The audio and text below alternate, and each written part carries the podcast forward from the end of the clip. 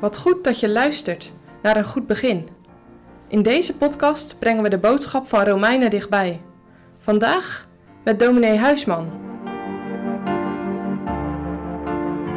We lezen Romeinen 5, vers 1, waar het gaat over vrede met God. Wij dan gerechtvaardigd zijnde uit het geloof hebben vrede bij God door onze Heer Jezus Christus. Kun je het je voorstellen dat je grootste vijand, die het altijd moeilijk maakt, je altijd dwars zit, je vriend wordt? Ik kan je je reactie wel voorstellen. Dan moet er wel heel wat gebeuren. Dan moet er een wonder gebeuren. Toch is het mogelijk, zelfs in aardse verhoudingen, dat bittere vijandschap verandert in hartelijke vriendschap. En daar word je blij van als dat gebeurt. In Romeinen 5, vers 1 gaat het over wat de grootste rijkdom en blijdschap is die een mens in zijn leven kan ontvangen. Namelijk vrede met God.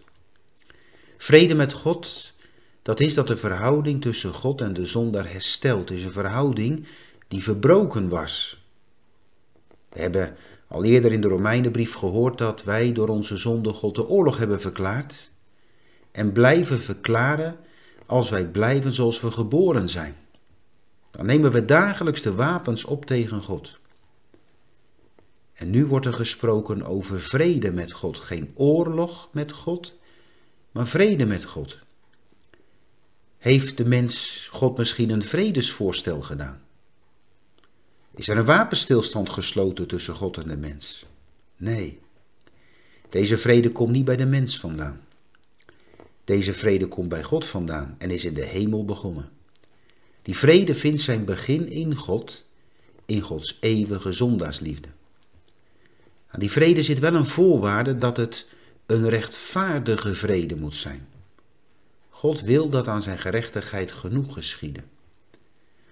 God eist het dragen van de straf die verbonden is aan de opstand tegen God en de oorlogsverklaring aan God. Als die straf gedragen is, dan alleen kan er sprake zijn van vrede. En weet je wat nu zo'n wonder is? Dat God zelf die voorwaarden vervuld heeft. Hoe? In zijn Zoon, de Heer Jezus Christus. Paulus schrijft op een andere plaats, want dien die geen zonde gekend heeft, heeft hij zonde voor ons gemaakt, opdat wij zouden worden rechtvaardigheid Gods in hem. Het fundament voor de vrede met God is gelegd door onze Heer Jezus Christus. Hoor je het? Drie namen. Heere, de bezitter van zijn kerk, Jezus, de zaligmaker van zondaren, Christus de gezalfde, profeet, priester en koning.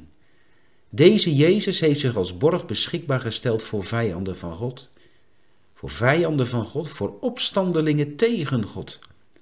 De straf die aan de opstand verbonden was, heeft hij gedragen zodat er vrede is voor schuldige zondaren.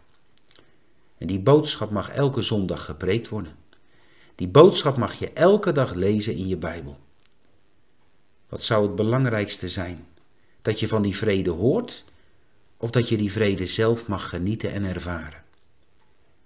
Die vrede die bestaat in een herstelde verhouding met God. En zoals de kanttekening het beschrijft, bestaat in vriendschap van God. Wij dan gerechtvaardigd zijnde door het geloof hebben vrede met God. Die vrede ontvangen wij dus door het geloof. Moet je nagaan wie dat schrijft. Paulus, die altijd gedacht had zijn rechtvaardigheid voor God te vinden in de wet, door de wet te doen. Ik heb de wet gehoorzaamd, dus is het goed tussen God en mij. Daar is hij door genade van afgebracht. Want nu lezen wij door het geloof. Wat is het geloof? Om het eenvoudig uit te drukken, zien, begeren en ontvangen. Het zien van Jezus. Alleen in Hem ben ik rechtvaardig voor God. Er is maar één naam onder de hemel gegeven tot zaligheid. Een begeren van Jezus. Geef mij Jezus of ik sterf. Want buiten Jezus is geen leven, is geen rechtvaardigheid, maar een eeuwig zielsverderf. Het ontvangen van Jezus, waar hij een zondaar tot zich trekt door zijn liefde die als een bedelaar aan zijn voeten mag komen, met twee lege bedelaarshanden, die alleen maar kunnen ontvangen. Het geloof is als een instrument, een lege hand wat ontvangt. Dan is het waar, in onze Heer Jezus Christus, vrede met God. De engelen hebben gezongen, vrede op aarde, in de mensen een welbehagen. Hoe? In het kind van de kribbe. De naam van het kind? Vredesvorst. Jezaja heeft er al van mogen profeteren. Wat betekent deze vrede met God in jouw leven?